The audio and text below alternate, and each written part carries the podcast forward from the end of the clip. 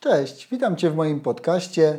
Dzisiaj odcinek na temat Spanning Tree, a konkretniej e, Multi-Spanning Tree, Multi-Instance e, i trybu e, per VLAN, Rapid Spanning Tree i Rapid Spanning Tree. Tutaj, jeżeli chodzi o wersję, to oczywiście długa jest historia za tym, jak kolejne standardy powstawały. To, co robiłem ostatnio, nagrywając ten e, odcinek, który zobaczysz w poniedziałek, to pokazywanie konfiguracji, która dotyczy e, Rapid per VLAN Spanning Tree. I to jest protokół, który e, nie jest zestandaryzowany pomiędzy różnymi producentami. To jest protokół nadal własnościowy Cisco. Polega on na tym, że szybciej się przebudowuje ten protokół i jest określany per konkretny VLAN. Czyli możemy sobie wyobrazić taką sytuację, że mamy swoją sieć e, firmową, e, w której mamy kilka, kilkanaście, kilkadziesiąt przełączników i budujemy sobie e, te drzewa spanning tree bazując na konkretnych wilanach. Jakie są plusy tego rozwiązania? No plusy są takie, że możemy mieć różne te drzewa w ramach różnych wilanów. Czyli jeżeli sobie założymy, że różne mamy drogi, na przykład na trankach dla poszczególnych identyfikatorów wilanów, to to drzewo będzie się odpowiednio budowało w zależności od tego, które wilany na których aplinkach dopuściliśmy. To, co w praktyce się spotyka, jak ja widzę różne sieci, to oczywiście nie komplikujemy sobie najczęściej życia, e, modyfikując bardzo e, jakoś dynamicznie mm, czy ręcznie bardziej na poszczególnych aplinkach wilanów, no bo jak chcemy zrobić kolejną zmianę, to się okazuje, że gdzieś pomiędzy switchami ten dany wilan nie przechodzi. Większość e, użytkowników e, stosuje, mm, przynajmniej w przypadku Cisco, e, stosuje VTP, czyli protokół automatycznej konfiguracji VLANów. To też jest ciekawe, bo w większości niesiskowych rozwiązań to widzę raczej stosowanie systemu zarządzania i albo ewentualnie grupowanie, że wszystkie wilany wysyłamy na trunk. Co zresztą w przypadku sieci Cisco też jest często spotykane. Po prostu zakładamy, że przełączniki od dostępowych w górę przesyłają wszystkie wilany. Co ogólnie też z założenia nie jest jakimś złym e, konceptem, bo oczywiście ograniczanie wilanów na trankach nie jest jakimś dobrym mechanizmem bezpieczeństwa, ograniczania ruchu czy dostępu w sieci. To się robi najczęściej na firewallach, ewentualnie na routerach, które już na warstwie IP mają odpowiednie reguły skonfigurowane. Więc wracając do protokołu Spanning Tree i jego odmian, no to tutaj raczej też zachęcam do y, przepuszczenia po prostu wszystkiego na plankach, to y, jest rozwiązanie całkiem dobre. Jeżeli chcesz ewentualnie bardziej nad tym panować, to warto się zastanowić, jak chcesz zestandaryzować swoją sieć, czyli określić konkretne wilany w przełącznikach dostępowych i konkretne y, numery czy identyfikatory wilanów, które na trunku, czyli aplinkowym porcie będą występować. No i na korowych przełącznikach lub y, innych y, dystrybucyjnych będziesz tam odpowiednio konfigurację sobie przygotowywał. Jeżeli chodzi o standaryzację, to per VLAN Spanning Tree Plus jest już opcją, którą można użyć e, zarówno na przełącznikach Cisco, jak i na przełącznikach innych producentów. Nie zmienia to jednak faktu, że warto pamiętać o e, różnych domyślnych ustawieniach e, kosztu linków, ponieważ to drzewo nasze Spanning Tree liczy się bazując na koszcie poszczególnych połączeń. I w tym koszcie jest między innymi też jakby uwzględniona wartość, która jest powiązana z prędkością danego linku.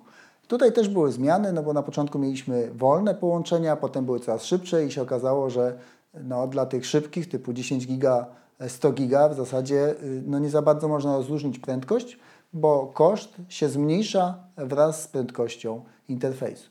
No i został wprowadzony tak zwany długi tryb e, określania kosztu, ale nie zmienia to faktu, że e, na przykład na części przełączników e, HP e, domyślnie nie jest używany zestandaryzowany poziom kosztu i na wielu przełącznikach Cisco również e, nie jest używany na przykład ten schemat kosztu long, czyli ten dłuższy format. Co oznacza, że jeżeli masz taką sieć łączoną i tego sobie nie zaplanujesz, to to drzewo, które się zbuduje, będzie prawdopodobnie losowe i może e, się okazać, że zablokowany zostanie port, który akurat Ty chciałbyś, żeby był odblokowany, bo prowadzi na przykład do routera. W związku z tym warto to sobie przemyśleć. Oczywiście dobrą praktyką jest też e, stosowanie odpowiednich e, priorytetów, tak żeby e, wspierać wybranie ruta dla danego segmentu, który jest powiązany z routerem lub bezpośrednio tego routera prowadzi. No i wtedy optymalizujemy przepływ tych danych. Jeżeli tego nie zrobisz, jeżeli tego nie sprawdzisz, to prawdopodobnie i tak się to drzewo zbuduje jakoś w taki sposób, że nie będzie pętli i będzie ten ruch prze przekazywany do routera. Tyle tylko, że może być przekazywany na przykład od przełącznika jednego dostępowego do drugiego dostępowego, a potem dopiero do dystrybucyjnego, który miałby oryginalnie być tym routem. Więc to Cię może ewentualnie zaskoczyć. Trudność oczywiście przy drzewach jest jeszcze taka, że żeby sobie odczytać, jakie to drzewo jest, no to trzeba mieć albo system zarządzania, który potrafi odczytać tego typu informacje i zobrazować ją jakoś graficznie, albo trzeba sobie po prostu ręcznie to drzewo narysować, bazując na informacjach zebranych manualnie z każdego ze switchy. A jeżeli, e, jak wielu administratorów, których znam, nie używasz takiego oprogramowania zarządczego, no to w zasadzie pozostaje Ci tylko druga opcja. Jeżeli chodzi też o y, formę wybrania, czy spanning tree, czy generalnie zapobieganie pętli na warstwie drugiej, czy y, przeniesienie tego tematu do warstwy trzeciej, czyli skonfigurowanie już na przykład na przełącznikach dystrybucyjnych routing, y, to ja oczywiście jestem za konfiguracją routingu. Natomiast wiele osób uznaje, że jest to po prostu dla nich zbyt trudne i pozostają przy warstwie drugiej. Czasami również jest tak, że potrzebujemy przeciągnąć warstwę drugą z jakiegoś powodu pomiędzy wieloma switchami, e, żeby móc uzyskać daną funkcjonalność. Na przykład jakiś e, vMotion czy jakieś e, operacje tego typu. Chociaż tutaj akurat dobrą praktyką, jeżeli chodzi o vMotion, jest bardziej pójście w stronę sieci nakładkowej i wykorzystanie tego tunelu logicznego, który działa na UDP i jest nakładany na warstwę trzecią, czyli na IP.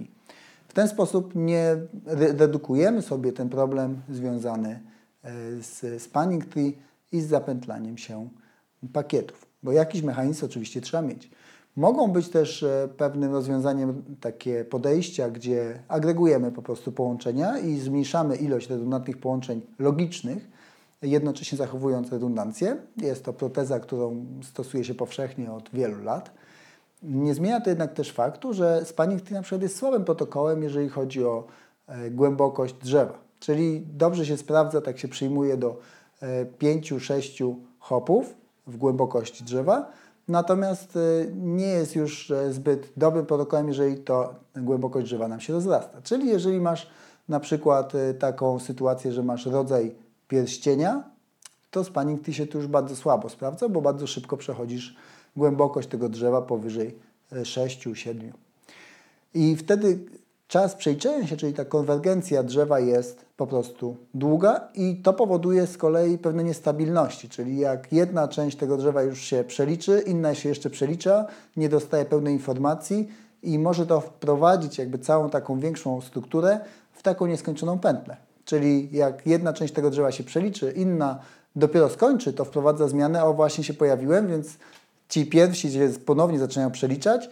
więc ci drudzy się zaczynają przeliczać i ta sytuacja może po prostu się nigdy nie skończyć. A to z kolei powoduje najczęściej przerwę w pracy sieci. Więc tego typu konstrukcji należy unikać. Spanning Tree generalnie zostało zaprojektowane do e, sieci lokalnych, e, czyli do relatywnie małych struktur sieciowych. Jeżeli masz jakieś pytania w tym zakresie, to e, chętnie sprawdzę, co w komentarzu napisałeś. Jeżeli nie, e, to zachęcam Cię do kolejnego odcinka. E, jeżeli będziesz chciał zobaczyć konfigurację, czyli konkretne komendy, to możesz również przeglądnąć artykuł, który jest powiązany z odcinkiem wideo, który przygotowałem. Na dzisiaj dziękuję Ci za uwagę i do usłyszenia już za tydzień.